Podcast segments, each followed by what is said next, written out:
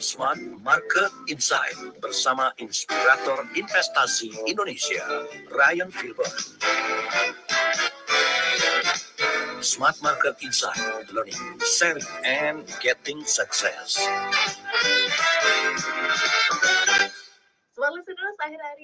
Masyarakat Indonesia seputar dunia investasi ini makin meningkat ya. Apalagi didorong juga dengan adanya COVID-19. Masyarakat ini mulai terbuka seputar instrumen-instrumen investasi. Pasti Anda juga pernah mungkin salah satu mencoba salah satunya dan mungkin sekarang terjun di dalamnya. Baik itu saham, kemudian reksadana, obligasi, sampai yang lain-lain. Tapi Anda tahu nggak Smart listeners, kalau ternyata ada juga salah satu investasi di surat hutang utang negara. Yang dalam kesempatan kali ini kita akan berbincang seputar sukuk, apa itu sukuk dan gimana peluang investasinya. Selamat sore Smart Listeners, sambil menikmati sore hari Anda. Di hari ini saya Tasya Rustama dalam satu jam ke depan akan menemani uh, Anda dalam program Smart Market Insight bersama dengan tokoh inspiratif investasi Indonesia, Mas Ryan Filbert. Selamat sore Mas Ryan. Selamat sore Mbak Tasya, selamat sore kepada smart listeners di mana pun Anda berada. Oke, okay, first trial ya nih. First trial. Apa perjumpaan pertama kita? Tidak pernah ngobrol di belakang layar, hanya lima yeah. menit terakhir tadi langsung saya bilang saya ini merasa tua. Karena lewat penyiar mah ketemu penyiar lain juga, siap. Berganti-ganti penyiar yeah, ya, Mas yeah. Ryan ya. Tapi, Tapi kita intinya ini intinya saya setia sama Smart FM coba ya kan. Ya, jadi iya terus dong. mengedukasi Indonesia. Siap. Yes, karena kita sejalur nih apa namanya tujuannya. Oke. Okay. Okay, Mas Ryan ya. di sore hari ini kita akan berbincang seputar peluang investasi sukuk retail, Mas Ryan. Ya. Nah, kalau misalnya kita ngomongin uh, surat berharga, eh surat utang negara gitu ya, ini ada sebuah kalimat gitu ya saya dapatkan. It, uh, kalau misalnya kamu berkontribusi uh, menginvestasikan uang kamu di surat uh, hutang negara ini sama aja kamu berkontribusi untuk menjadi pahlawan negara. Saya dibuka dengan statement itu benar nggak sih? Kalau Mbak setuju nggak dengan kata-kata itu? langsung kita uji nih. Jadi baratnya langsung pelonco depan layar. Takut. Saya setuju ya ya. Bisa dikatakan iya tapi ya nggak segitunya. Dari sih, mananya mungkin, ya. gitu ya? Logikanya dari mana ya? Oke, okay, baik begini. Saya akan ambil dua dua ini ya, dua kata kunci. Yang pertama, uh, saya mau bilang di awal agar bisa sampai dengan akhir smart listeners bisa paham bahwa ini adalah suatu uh, yang namanya surat hutang ataupun sukuk. Di mana kalau surat hutang dan sukuk adalah dua hal yang ber berbeda karena kalau surat hutang tuh biasanya obligasi gitu ya, dan itu artinya tidak syariah. Tapi kalau sukuk itu adalah model pem permodelan pembiayaan secara syariah. Ini adalah solusi tepat bagi yang takut investasi. Hmm. Kenapa? Karena orang investasi itu biasanya takut rugi, takut dibolari, takut nggak bayar. Ini kemungkinannya super duper sangat kecil, hampir tidak mungkin kecuali punya keyakinan Indonesia bangkrut. Oke, okay, kita langsung jawab straight to the point gitu ya. Hmm. Ini jadi kita ini seperti mengkempe negara. Tapi kenapa? Mak jawabannya kenapanya adalah dengan dijelaskan pada poin yang tadi Mbak Tasya kemukakan. Yaitu apa? Hmm yaitu dengan kita berkontribusi ke sini sebenarnya ini adalah program bela negara secara nggak langsung. Loh kok bisa logiknya gimana? Gini kenapa ad, pemerintah mau mengeluarkan suatu skema pembiayaan yang dibiayai oleh masyarakatnya? Hmm. karena pemerintah ingin mengurangi peran serta asing dalam membiayai negara kita. Hmm. misalnya Nah, kita pasti tahu ada yang namanya dampak COVID lah, ada namanya pembengkakan subsidi lah, ada ini itu untuk membangun negara, infrastruktur. Kebetulan hmm. kalau yang sukuk pada hari ini untuk infrastruktur, kebetulan. Hmm. Tapi kalau ternyata penerimaan pajak sudah digenjot, berhasil. Tapi kita ini kan negara berkembang, artinya pingin menjadi lebih besar lagi. Artinya kan perlu pembiayaan lebih besar lagi dong. Kenapa? Karena sesuatu yang dibangun 20 tahun nanti itu terlambat. Karena pembangunan itu tidak boleh, tidak bisa uh, ya begini. Kalau mau melahirkan seorang bayi, hmm. seorang anak bayi diperlukan 9 bulan. Yes. Tapi tidak bisa dengan menghamili 9 orang untuk menghasilkan satu bulan, nggak bisa. Itulah pembangunan. Itulah pembangunan. Tidak bisa dikejar seperti apa pun. Kalau misalnya dikejar, malah jadi gampang rusak, perencanaannya jelek, gampang runtuh kan gitu ya. Nah, kembali lagi tadi, kalau pembiayaan ini banyak menggunakan uang asing, ada dua masalah di sana. Satu, ketika kita kepada asing berarti tidak menggunakan rupiah. Karena kita bukan hard currency, bukan u- eh, bukannya mata uang yang eh, menjadi mata uang dunia. Mata uang dunia itu pertama let's say udah pasti tutup mata langsung teriak dolar gitu ya. Yang kedua teriak euro lah boleh lah. Yang ketiga teriak mulai bingung. Jepang, yen kan gitu ya. Mulai setun bingung. Oh apa ya? Oh Singapura dolar. Mulai bingung lagi renminbi kan gitu ya. Hmm. Nggak sebut Indonesia. Artinya pakai dolar. Berarti kalau dolar dalam keadaan bumi gonjang ganjing dan naik, tiba-tiba ngutangnya pemerintah tambah gede. Mhm. Bahaya. Iya. Yang kedua adalah ka- kalau kita berhutang, biasanya ada syarat loh. Saya kasih bunga murah deh. Hmm. Tapi saya ya yang bangun. Saya kasih bunga murah ya. Nanti saya kirim tenaga kerja dari sini ya. Jadi ada term and condition apply, benar nggak? Hmm. Dibikin syarat-syarat. Nah itu kan membuat secara quote unquote secara kemerdekaan sih 17 Agustus udah lewat kemarin. Benar. Tapi kan akhirnya begini, gimana sih? Gue yang mau bangun, kok gue yang diatur ya? Iya bener ya? Berarti itu adalah penjajahan model baru tuh. Hmm. Sama kayak kita-kita zaman sekarang tuh dijajah sama gadget bener nggak? Benar. Tengok mulu gitu ya. Mau Iya, mulai iya. dari drakor, kalau cowok UFC kan, kalau anak-anak itu apa tuh? Eh, apa? Ini masih nanya anak saya gitu. ya, ya, ya, itulah kita gitu. Tapi itu ada sesuatu yang terjadi. Jadi kenapa dengan kita menggunakan rupiah membiayai negara, itu bela negara. Membuat negara kita itu independen. Hmm. Jadi memang sesuai dengan tema 17 Agustus sebenarnya kenapa dikeluarkan sukuk yaitu tu- tujuannya adalah untuk pembangunan infrastruktur yang dirasakan mungkin bukan buat kita, Hmm. tapi mungkin buat 10 tahun lagi. Mungkin buat bukan sebuah kota yang sudah mapan tapi kepada kota yang lain lagi kan seperti itu kan ya. Mhm. Mhm. Kenapa udah lengkap banget 15 menit pertama apa kita udahan atau gimana nih? Udah panjang nih penjabarannya ya Mas Ryan. Tapi enggak, pertanyaan saya masih banyak. Siap. Jadi seputar ini kan peluang investasi sumber retail apalagi kalau misalnya kita mau menjangkau masyarakat mungkin yang belum teredukasi Mas Ryan. Eh, seputar apa sih ini sukuk gitu. Gimana sih saya bisa caranya untuk berinvestasi di sini? Apa keuntungannya? Tadi Mas Ryan bilang bahwa ini aman. Iyakah benar-benar aman 100%? Yakin nggak sama Indonesia? gimana? Yakin nggak sama Indonesia? Oke, kita akan bahas dulu Mas Ryan, kita jeda dulu ya. Ya, ya, untuk satu sesi selanjutnya Smart Listeners masih tetap bersama kami hanya di Smart Market Insight. Mas Daril. Tetaplah bersama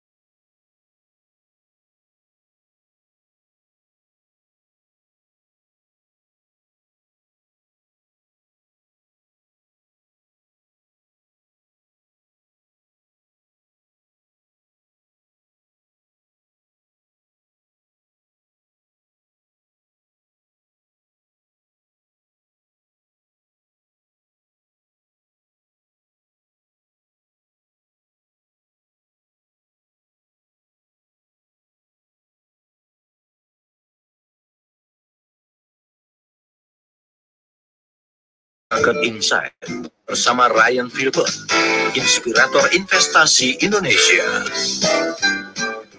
Soal investasi sukuk retail, smart listeners, untuk Anda yang bergabung bersama kami dalam Smart Market Insight, saya ucapkan selamat datang dan Anda bisa untuk ikut uh, memberikan komentar ya ataupun pertanyaan Anda di 0812 11 12 959. Nanti tentu saja akan saya bacakan dan akan dijawab oleh Mas Ryan Filbert. Oke, okay, Mas Ryan, ya. sukuk ini termasuk salah satu instrumen investasi yang liquid gak sih? Oke, okay, baik. Uh, jadi sebelum dijawab mengenai liquid dan tidak, uh, hmm? saya mau coba ceritakan dasar dari yang namanya likuiditas ya. Likuiditas itu artinya bagi smart listener saya nggak tahu adalah kegampangan untuk diperjualbelikan ketika hmm. kalau-kalau kita butuh duit. Ya, hmm. Jadi kalau kita bicara yang namanya likuiditas itu yang paling cair ya seperti punya emas. Perkara harganya naik turun itu nomor dua, tapi setidak-tidaknya pergi ke toko emas mana pun kalau punya emas ya, ya apalagi emas batangan itu bisa dijual beli. Yang susah untuk hmm. diperjualbelikan tuh kalau emas-emas ya.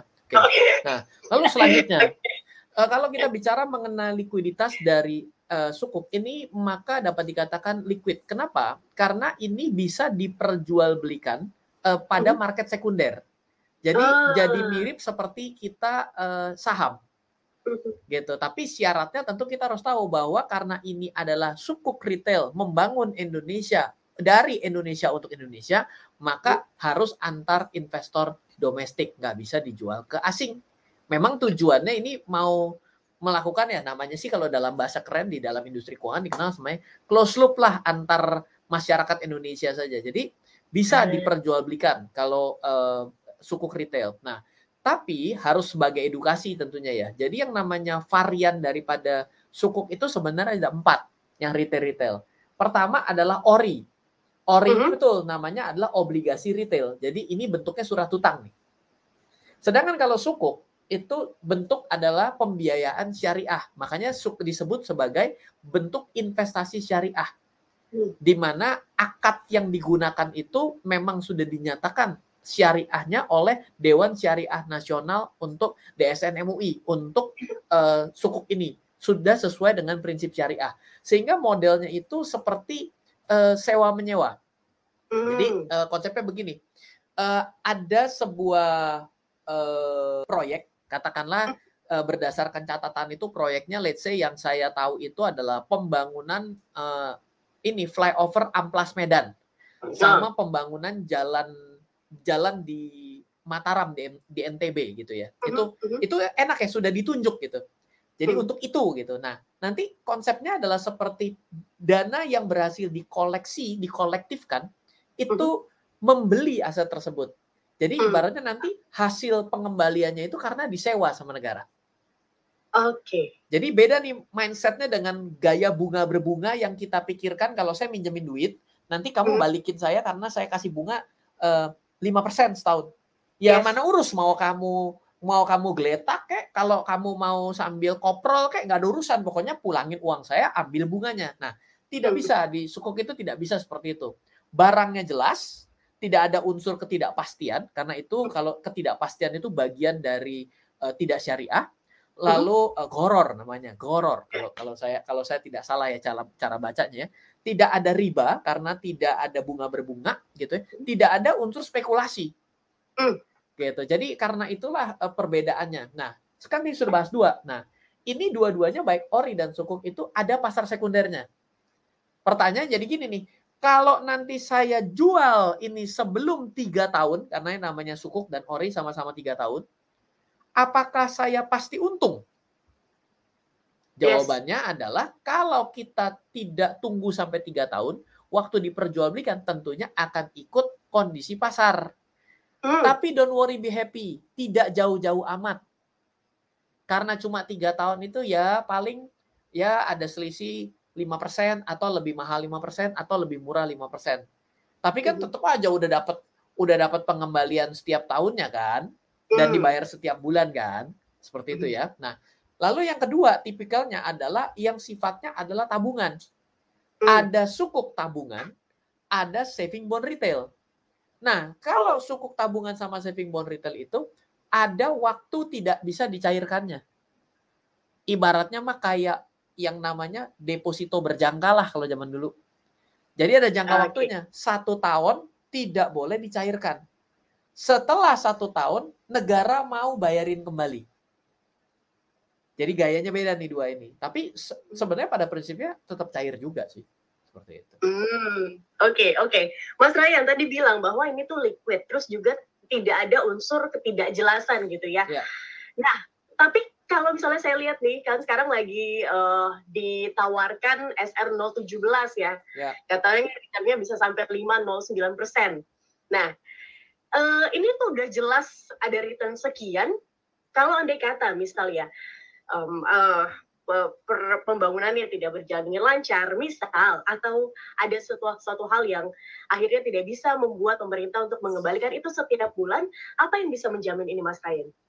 Eh, pertama eh, imbalnya itu bukan 5,09 tapi 5,9 persen per tahun. Oh, lima. Oke. Hmm. Yang kedua, eh, konsepnya ini kan adalah modelnya seperti kita memiliki manfaat barangnya lalu disewakan ya. Jadi kan tentunya untuk bisa proyek itu bisa bisa dianggap perlu pendanaan, itu kan sudah ada proses feasibility study yang ber- berpanjang-panjang ria itu di dalam di dalam pe- pengadaannya ya, mulai dari jaminan proyeknya. Artinya kan ini ada ada layernya ya. Ada Hmm. jaminan asuransinya dari sudut pandang kalau ternyata ada kecelakaan proyek dan apa-apa. Nah, itu pasti akan ada gitu. Dan tentunya konsep daripada sewa ini adalah karena ini ibaratnya sudah dapat dipastikan di awal adalah kita akan mulai, maka kan dari yang pertama itu setidak-tidaknya kan dari tempatnya sudah ditunjuk kan. Ya. Mataram NTB untuk jalan apa? Itu kan udah jelas. Beda dong dengan saya bilang pasti. ini, untuk pembiayaan untuk dampak COVID, untuk orang-orang yang terkena COVID. Yang mana orangnya? Kan nggak bisa ditunjuk. Beda nih konsep konsepnya di sini beda. Karena Oh. kita sudah tunjuk dalam sudut pandang objeknya, maka secara tidak langsung ketika objek itu sudah ditentukan, ya berarti kan sewa akan berjalan. Kalau ketidakmampuan negara dalam membayar hutang itu disebut default. Dan Hmm. tentunya kalau melihat ya kembali lagi nih ya, kalau melihat dari struktur perhutangan di negara kita, sebenarnya pertama kabar baiknya adalah turun tingkat hutang itu terbesar di era Presiden Republik Indonesia Joko Widodo. Itu menjadi Hmm. fakta. Ya. Yang kedua, sebenarnya nilai persentase hutang kita terhadap pendapatan kita itu around 30 atau 40 persen. Artinya kalau ibaratnya saya punya gaji ya, gaji saya adalah 10 juta, saya ngutang ke bank 4 juta, itu dikasih sama bank karena biasanya nilai sampai dengan 50% itu masih dianggap adalah suatu hutang yang secara analisa kelayakan itu masuk akal Hmm. gitu. Kecuali kita bilang gini, wah saya kok takut ya untuk ngelihat struktur hutang dengan pendapatannya Jepang. Jepang itu struktur hutang dengan pendapatan tiga kali lipat. Masih damai dam Kenapa? Gak mudah ya untuk berhutang ya di sana ya, Mas Ryan. Eh, eh, eh, gampang-gampang aja tuh. masih jauh, masih jauh. Jadi artinya kalau kita bilang gini, nanti susah ya. Kalau kita ngomong begini, ada orang bilang gini, yo pak itu kan beda pak, Jepang pak, negeri para gundam. Tuh, emang kenapa? Di sini juga ada Gatot Kaca. iya, jadi artinya kalau dibawa-bawa dengan cara-cara yang alasannya jadi nggak nggak sama, jadi bingung deh. Kan tadi kita bicara mengenai persentase. Kita Hmm. tampilkan secara persentase kita baik-baik saja. Ya. Singapura lebih kejang-kejut dari kita. Sudah Hmm. satu banding satu Iya, iya. gitu loh. Jepang itu sudah tiga banding satu gitu. Satu. Indonesia 0, koma. Gitu. Tapi ketika kita kasih contoh begitu ya kembali lagi ilmu lain. Karena kan hidup ini banyak bukan ilmu analisa nanti, ilmunya Hmm. cocokologi. Mana yang dicocokin itu yang dianalogikan. Susah, Bos. Oke, Mas Ryan ada nggak sih hubungannya suku ini dengan suku bunga? Karena kan ya, baru ya, eh, BI menaikkan suku bunga katanya. Silakan Mas Ryan. Iya, ini kemarin sih sebenarnya menarik ya dengan diterbitkan tanggal 19 Januari terus rapat dewan gubernurnya juga langsung setelah itu gitu ya. Sebenarnya eh, ya ini pin- pintarnya pemerintah kita untuk menjual negara kita itu bagus itu harus pintar gitu. Kan kita tinggal berhitung gini ya, kalau saya dengan 5,9 persen Mhm. ada keuntungan dalam saya berinvestasi pada sukuk itu eh, adanya insentif pajak loh PPh-nya cuma 10%. Mhm. Sedangkan kalau saya pergi ke bank dengan saya deposito atau saya penempatan secara tabungan syariah, itu saya dapat suku bunganya kena potong 20% atas PPh. Mhm. Di mana kondisi angkanya itu hampir mirip-mirip. Mhm. Bahkan dengan belum dinaikkan dengan 5,9 bila kita pergi dengan suku bunga acuan bank perkreditan rakyat yang nilainya 6%, netnya gedean sukuk. Hmm. Dan ketika saat ini suku bunga acuan dinaikkan, biasanya naik naiknya itu bakal lama. Hmm. Kenapa? Karena kalau bank itu suruh cepat-cepat naikin suku bunga, itu dia berat. Kenapa? Karena dia harus mengejar pendapatan dulu atas kreditnya yang dinaikkan suku bunganya, baru bisa menaikkan suku bunga tabungan. Hmm. Itu jadi agak terlambat dan nggak bisa nggak bisa nggak bisa direct ya. Dan yang yang terjadi itu biasanya yang akan ditekan pertama kali itu adalah kucuran kredit terlebih dahulu agar ada pendapatan gitu. Jadi akan ada selisih. Jadi kalau dibilang apakah dengan dinaikkan, ya mungkin membuat masyarakat jadi jadi ter apa ya terbagi dua cara pemikirannya. Aduh, lebih baik saya stay pada bunga tabungan atau saya pergi ke sukuk ya. Tapi kalau dihitung itu walaupun udah dinaikin pun masih kalah. Ya udah deh saya ke sukuk aja. Jadi sebenarnya ini pintar-pintarnya pemerintah untuk memarketingkan sukuk juga sih menurut saya. Eh that's good, that's good, that's good. Oke, dan pas banget ya, dan pas banget gitu momennya ada sukuk yang sekarang sedang ditawarkan. Nah, cocokologi, cocokologi. Jangan salah, pokoknya Cocokologi lagi. kalau sudah ketemu saya tuh analisa jarang, cocokologi sering. Cocok. Oke baik, Mas Ryan, kita masih akan terus berbincang seputar peluang investasi sukuk ini, apalagi untuk listeners mungkin yang masih takut-takut nih, Mas Ryan. Ya. Ah, gimana ya caranya untuk berinvestasi di dalamnya? Kemudian eh, ada nggak sih hal-hal yang harus saya khawatirkan seputar sukuk retail ini? Dan kita akan kembali ya untuk sesi selanjutnya. Tetap bersama kami, Smart Listeners. Masih kami tunggu atensi dari Anda di 0812 11 12 959.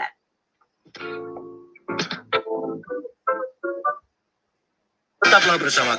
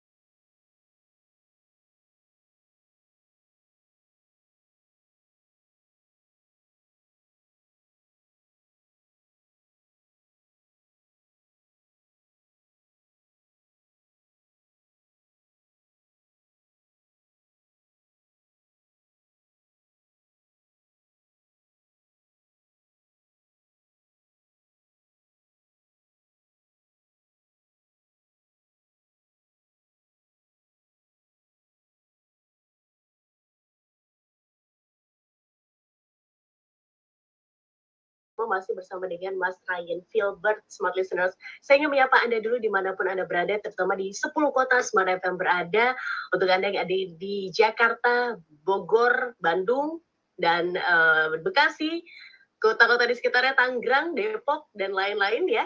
Selamat bergabung bersama kami. Anda bisa belajar seputar sukuk invest, uh, investasi sukuk retail small listeners di kesempatan sore hari ini, terutama untuk Anda yang ada di Yogyakarta, Surabaya, kemudian Medan, Pekanbaru, dan juga Palembang. Saya juga ingin mengundang Anda, respon dari Anda yang ada di Balikpapan dan juga Banjarmasin, dan selamat datang juga kami ucapkan untuk Anda yang ada di Makassar, Manado yang bergabung bersama kami. Smart listeners, Anda pernah nggak punya pengalaman berinvestasi di sukuk retail? Kalau Anda kata Anda pernah punya pengalaman di sana, boleh loh sharing bersama kami di 0812 11 12 959. Mas Ryan, ya. sering ya berinvestasi di sukuk retail? Oh, saya penempatan full plafon saya kalau di bank beberapa beberapa kali suka nggak dapat penjatahan. Kalau sekarang saya sudah punya penjatahan sendiri. Wow, oke okay, gitu tuh ada penjatahannya ya? Oh, kalau yang kali ini rada nggak terlalu uh, nggak terlalu rame, tapi nggak tahu ya uh, beda ya karena beberapa waktu yang lalu tuh pernah ada uh, yang ori itu, waduh itu sampai keliling itu beberapa itu nggak mau ngasih. Oh. Karena sudah full gitu ya. Kalau yang kali ini sebelum mulai udah ditanya, mau penempatan nggak Pak? Oh iya siap, gitu kan. Jadi udah udah temenan soalnya kan. Iya, iya, masalah penempatan berapa itu kan beda cerita. Tapi yang uh. yang jelas adalah uh, memang uh, yang kali ini alokasi kebetulan saya sudah ada. Seperti itu. Baik, baik. Oke, okay. uh, Mas Ryan tadi di off air ya, saya tanyakan ini kalau misalnya kita lihat uh, pengertian dari sukuk salah satunya adalah adanya underlying asset. Mungkin ya. bisa dijelaskan Mas Ryan. Sebenarnya ini kan kayaknya uh, untuk uh, masyarakat awam tuh kayak wah banget gitu istilahnya underlying aset apa itu kan? Oh, nah okay. mungkin bisa dijelaskan Mas Ryan. Ya underlying gitu ya. Berarti kan kalau disebut sebagai underlying itu adalah hal yang mendasari gitu ya. Jadi basic dasarnya tuh apa sih? Jadi kalau misalnya orang-orang keuangan tuh bilang e, ini tuh melakukan transaksi ini underlyingnya apa? Ditanya tuh dasar sebenarnya gitu. Nah jadi kalau bilang, oh underlying apa? Underlyingnya adalah trust ya udah kepercayaan aja dah itu namanya kepercayaannya doang. Nah terus habis itu uh, sekarang kalau bicara mengenai uh, sukuk ya, kalau sukuk yang kita hari ini ada ya, itu adalah SR 017 nih gara-gara ditanya underlying saya jadi browsing ya. Di mana ternyata underlyingnya itu jelas sudah disebutkan satu tol Solo Ngawi. Hmm. Itu ada tuh tolnya. Jadi udah jelas tuh, ini bagian sini ya, ini loh underlyingnya nih dasarnya nih ya, saya ngutang nggak boleh ngutang, nggak boleh ngutang karena ini kan syariah ya. Ini loh yang nanti akan akan diswaklolakan kembali dan nanti akan disewa oleh negara. Hmm. Jadi danamu akan dipakai untuk membangun ini pembangunan rem on off flyover amplas Medan. Nah, untuk smart listeners boleh cari tuh di kemenkeu.go.id garis miring suku retail. Hmm. Lalu ada pembangunan jalan Gerung Mataram NTB dan masih banyak lagi. Ada kampus ya, ada jembatan uh, di Papua namanya jembatan Yotefa, ada Uin Sunan Gunung Jati. Nah, itu semua tuh itu underline-nya tuh dasarnya kenapa mau dibuat skema pembiayaan ini.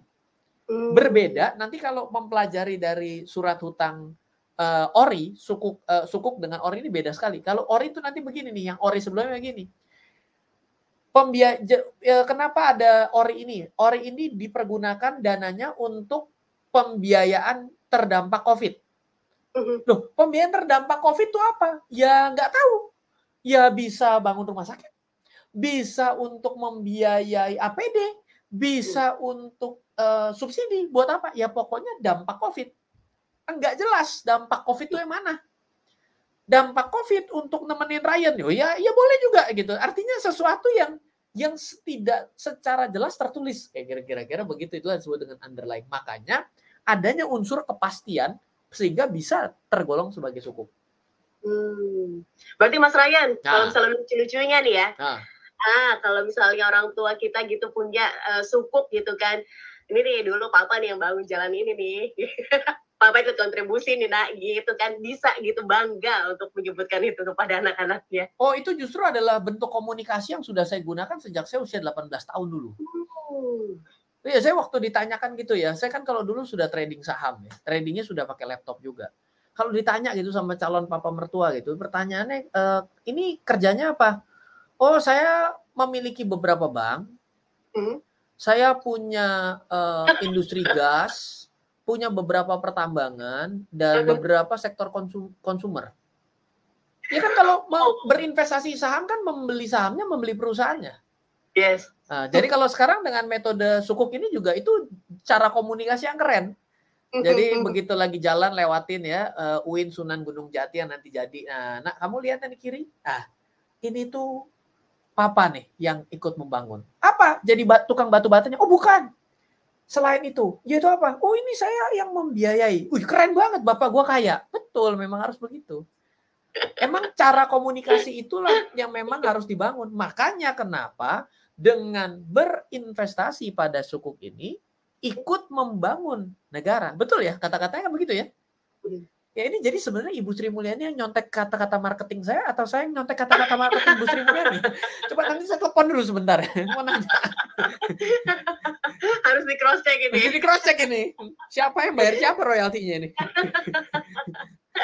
Oke, Mas Ryan, sekarang kita mau tahu nih how to-nya. Gimana caranya smart listeners kalau misalnya, oke Mas Ryan, saya tertarik banget nih untuk ikut berinvestasi di sukuk retail. Gimana caranya saya ingin ikut serta? Oke, cara yang paling konservatif ya, paling jadul ya.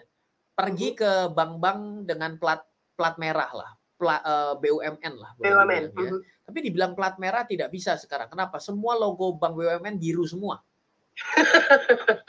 Jadi plat biru harusnya. Jadi plat biru harusnya kalau saya bilang ya.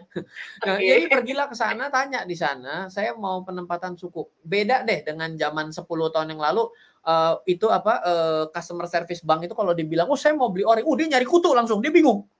Hmm. Karena dia belum di training gitu. Kalau sekarang customer service udah jago-jago. Oh, suku aja siapa? Udah tahu lah dia gitu. Ya terus habis itu ya carilah bank-bank besar di Indonesia itu cara yang eh, zaman old ya. Kalau zaman now ya eh, tentunya yang eh, syariah syariah bank syariah tuh ada ya bank syariah BUMN tuh ada lah. Terus juga eh, melalui sekuritas Oke. ya bisa kayak beli saham karena kan penerbitan surat eh, surat-surat berharga itu ya memang melalui sekuritas itu kan bisa. Surat berharga itu kan bisa saham bisa surat utang. Mhm. Ya. Lalu ya bisa juga melalui aplikasi-aplikasi zaman now Hmm. ya ada juga beberapa peer to peer lending juga bisa jualan untuk surat eh, surat berharga negara itu juga bisa Oke. ya Apa yang eh, oke, selanjutnya Mas Ryan? Eh, mau nanya apa apa bedanya beli dari satu dengan yang lain Yes, gitu kan bener. Oh, tenang saya ini sebagai praktisi keuangan juga ahli untuk membaca seperti eh, ini ya main eh, main mastery Gak kelihatan ya. nggak pertanyaannya itu itu mulu ya jadi Iya, soalnya kali- karena banyak nih pilihannya. Mulai kan. dari Ini kan SR gitu. iya Hmm. Eh, sebenarnya satu dengan yang lain itu yang mana yang lebih gampang kita akses aja karena semuanya ya sama jualan SR. Ya, itu inti pertama ya. Yang kedua mungkin ada yang sudah welcome dengan sebuah metode pengisian pem- pembeliannya melalui aplikasi online. Hmm. Ada yang masih rada jadul-jadul lah, formulirnya tebal-tebal ya sudah, nikmati prosesnya saja yang penting SR-nya dapat lah gitu ya. Lalu eh, ada lagi, ada lagi nih, ada tipsnya. Ada beberapa yang berani memberikan cashback. Oh, Ya, tawar-tawaran aja. Saya mau tempatin ya 10 miliar nggak bisa karena maksimum beli 5 miliar. Ya, nah itu tinggal tanya nanti saya dapat cashback berapa. Nanti beda-beda. Ada bank berwarna biru cuma ngasih 0,1. Ya, ada bank yang nggak berwarna ngasihnya ucapan terima kasih doang. ya, ada aplikasi yang berwarna biru dan hijau ngasih ucapan selamat juga.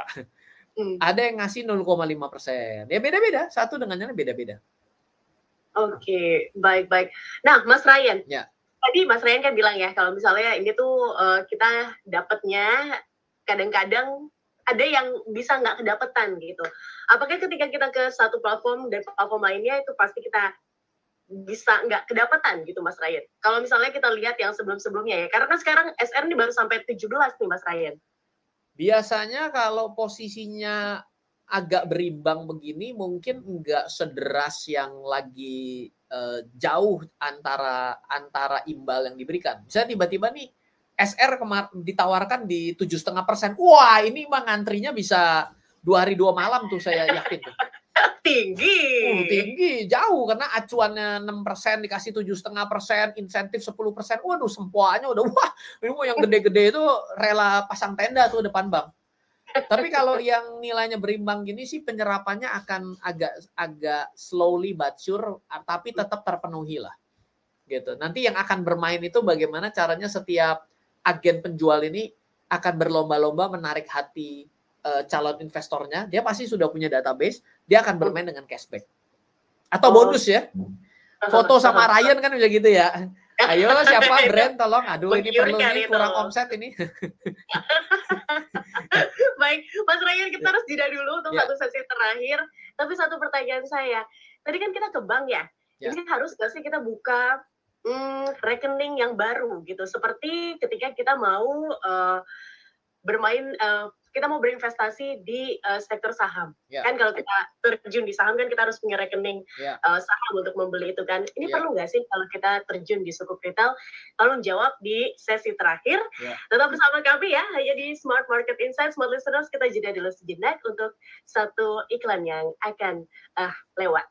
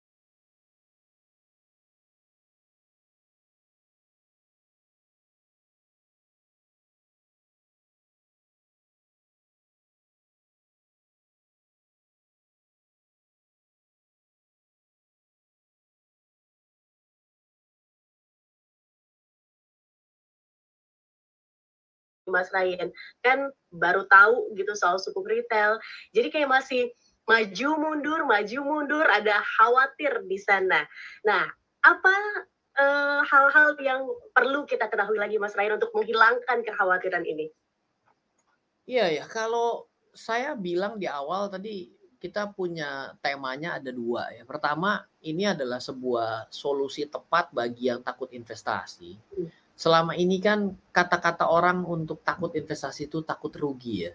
Hmm. Artinya rugi itu satu adalah kehilangan modalnya, dua kalau tidak menghasilkan. Jadi Hmm. kalau kita ini sudah yang utang adalah sekelasnya negara gitu ya. Eh, kekhawatiran untuk tidak dibayar karena kita ini sama-sama negara Indonesia, warga negaranya tahu dengan kondisinya bahwa kita ini adalah negara dengan jumlah penduduk salah satu yang terbesar di dunia, pertumbuhan kita dari tahun ke tahun juga bagus, dari keadaan Covid juga kita bisa membaik. Ya mestinya kita yakin bahwa ini pasti akan kembali pokoknya. Pertama Hmm. itu.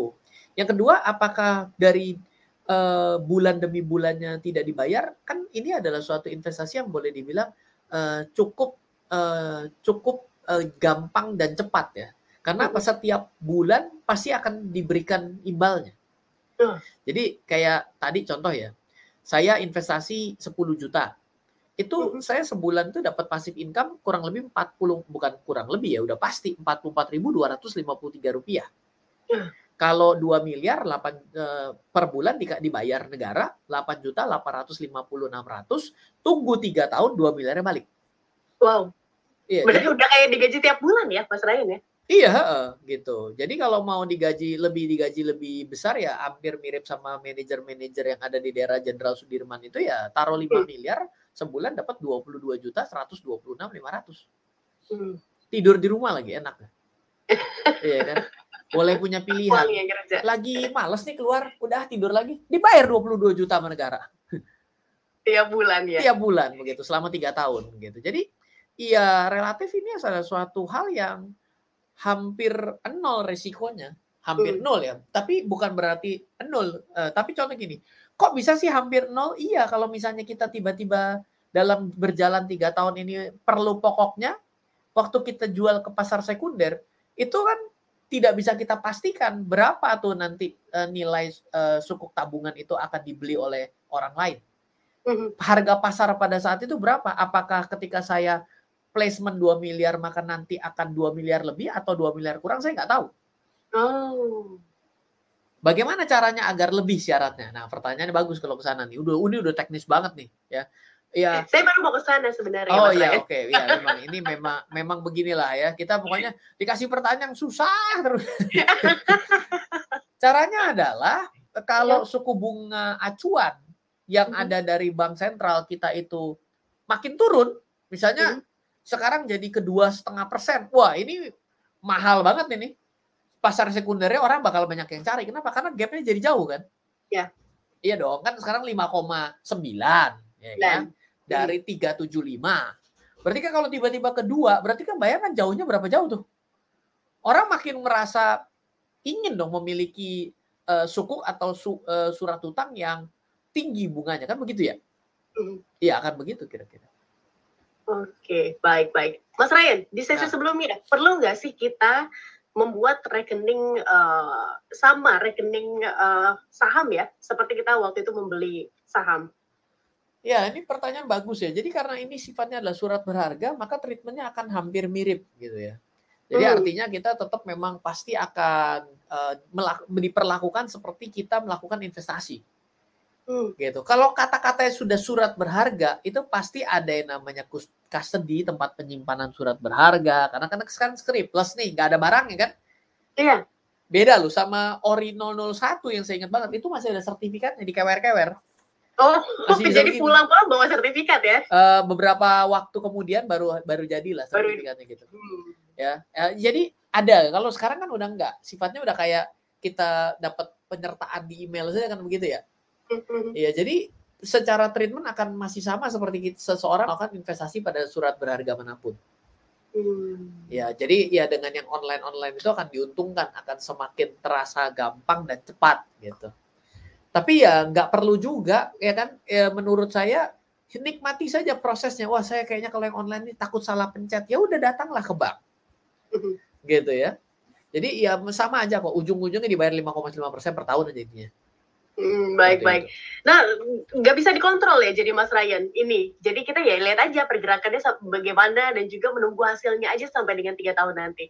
Iya, kalau mau ngontrol itu bukalah kedai bakso. Bisa kontrol tuh ya kan. Oh kurang, oh mesti marketing lebih banyak. Yang namanya investasi itu beda dengan berbisnis. Hmm. Jadi kalau orang itu berbisnis sebenarnya dia berinvestasi tanpa dia sadar. Tapi kalau investasi pada surat berharga, dia tidak bisa memperlakukannya seperti bisnis Mhm. karena kita tidak bisa mengontrol. Ya sudah, ya diam saja. Memang sifatnya pasif. Kita Mhm. beli saham, bisa bisa beli saham lah, saham bank-bank BUMN di Indonesia yang TBK. Mhm. Emang kalau saya tiap hari ngawasin satpamnya kerja, apa omsetnya akan naik? Enggak juga. You know, saya mesti dapat, saya beli seribu lot misalnya tiba-tiba ya, saya datang ke salah satu bank, dibukain pintu. Hei, pinter ya, kerja kamu bagus, pertahankan. Kamu kurang nih pemasarannya. Ditanya, siapa lo? Iya, saya pemegang saham ya udah kamu duduk aja dia bahkan udah ada manajemen. Mhm. Masa laganya tiba-tiba jadi kayak manajemen ya kan pemegang saham. Pemegang saham itu memang pasif do nothing. Mhm. Baik, dinikmatin aja prosesnya. Iya. Oke, Mas Ryan ini ada eh, Bu Ana dari Depok Iya. eh, yang mau memperjelas sepertinya nih ya. Iya. Jika berinvestasi di sukuk retail dengan tenor tiga tahun, setelah tiga tahun berlalu, selanjutnya akan dikembalikan kembali uang yang kita investasikan di awal ya, Mas Ryan. Iya betul. Berarti setelah kita mendapatkan return tiap bulan, kita juga mendapatkan pengembalian dana yang kita investasikan di awal ketika jatuh tempo. 100% ya betul. Kembali Wow. 100%. Bisa kurang-kurang dikit kalau neraktir saya. Hati-hati Bu, banyak Mas Ryan ini Bu, kalau minta traktir. Jangan, jangan khawatir kalau, kalau traktir makan tipis badannya udah nggak mungkin makan banyak. Baik, Mas Ryan, Ya. eh, apa eh, eh, hal ya ini kan sudah kurang kurang lebih tiga menit terakhir. Ya. Hal-hal yang harus kita ketahui lagi seputar eh, suku retail ini untuk sekaligus eh, menutup dan juga membungkus perbincangan kita di sore hari ini. Silakan Mas Ryan. Iya, anyway yang namanya investasi sukuk ini boleh dibilang adalah suatu investasi yang memang sangat minim risiko. Dibilang untungnya kecil ya tergantung uangnya berapa banyak aja. Ya kalau uangnya 5 miliar lumayan tetap 22 juta tetap berasa beli cendol bisa dua gerobak tuh kan gitu ya. Tetap Sama sana lah. abang ya dibeli Iya. jangan-jangan Nah, Mas. Tapi kalau ditanyakan, apakah eh, ini menjadi jauh lebih pas di- dimiliki dibandingkan saya deposito? Iya, sebagian yang semakin ngerti bisa ya dan tidak gitu. Nah, Hmm. hal-hal seperti ini memang adalah suatu strategi lanjutan kira-kira. Jadi misalnya ya, saya eh, menulis di buku Investor Blueprint, di mana Investor Blueprint itu adalah peta orang dalam berinvestasi. Nah, yang perlu kita perhatikan di sini adalah tingkat inflasi nih. Dengan adanya gonjang-ganjing mengenai BBM mau dinaikkan gitu ya. Ini menjadi sesuatu yang akan men-trigger kenaikan inflasi menuju kenaikan suku bunga. Hmm. Bila kenaikan suku bunga benar terjadi, maka kalau ternyata lebih daripada satu titik, maka kita punya suku retail kan dikunci tiga tahun. Iya. Berarti kan akan kalah suku bunganya kan? Nah, jadi ada hitung-hitungan yang harus kita perhatikan. Mhm. Tapi ya tetap saja bagi seorang pemula ini nur, eh, boleh dibilang hampir tidak ada resikonya. Jadi memang kalau ini mau dibikin advance, of course selalu ada. Tapi kalau Mhm. ini mau dibuat menjadi basic, ya bisa juga dengan dengan cara yang yang gampang seperti yang kita bicarakan selama empat sesi ini. Hmm. Baik, baik. Oke, Ya. Mas Ryan, ini dia akhir dari perbincangan kita ya. Terima kasih sudah menginspirasi kami dan juga memberikan kami informasi bahwa oh suku retail tuh begini ya dan mungkin uh, smart listeners yang ingin ikut serta menjadi investor ini sekarang sedang dibuka ya Mas Ryan sampai tanggal berapa SR 017 Ya satu bulan 19 Agustus ya ke 19 September berarti. 19 September. Mm. Oke, dengan returnnya 5,9 5,9 persen per tahun ya, bukan Per per bulan. Kalau per bulan mah buset. Boncos juga negaranya nanti. 60 persen per bulan per tahun bos. Oke, Ya. terima kasih sekali lagi Mas Ryan dan sehat-sehat selalu ya. Oke. Thank you. Dan smart listeners, thank you juga untuk Anda yang sudah bergabung bersama kami dalam perbincangan di Smart Market Insight. Kami akan terus hadir di setiap hari Rabu jam 6 sore waktu Indonesia Barat. Dan terima kasih juga kepada Ibu Ana yang sudah bergabung bersama kami. Kami nantikan Anda uh, untuk bergabung kembali di minggu depan. Dan kita akan tutup. Terima kasih. Saya Tasya Rustama. Dan saya Ryan Filbert. Kami berdua pamit undur diri. Terima kasih, selamat sore, dan sampai jumpa. Makasih Mas Ryan. Baru saja Anda simak Smart Market Insight bersama inspirator investasi. Oh siap. Ada ada. Eh siap. Kok ini udah nggak mau jadi penyiar lagi nih jadi sekarang. Terima kasih. Siap, siap. Oke, dadah. Iya. Yuk. Dadah Mas Ryan. Bye bye. Ya.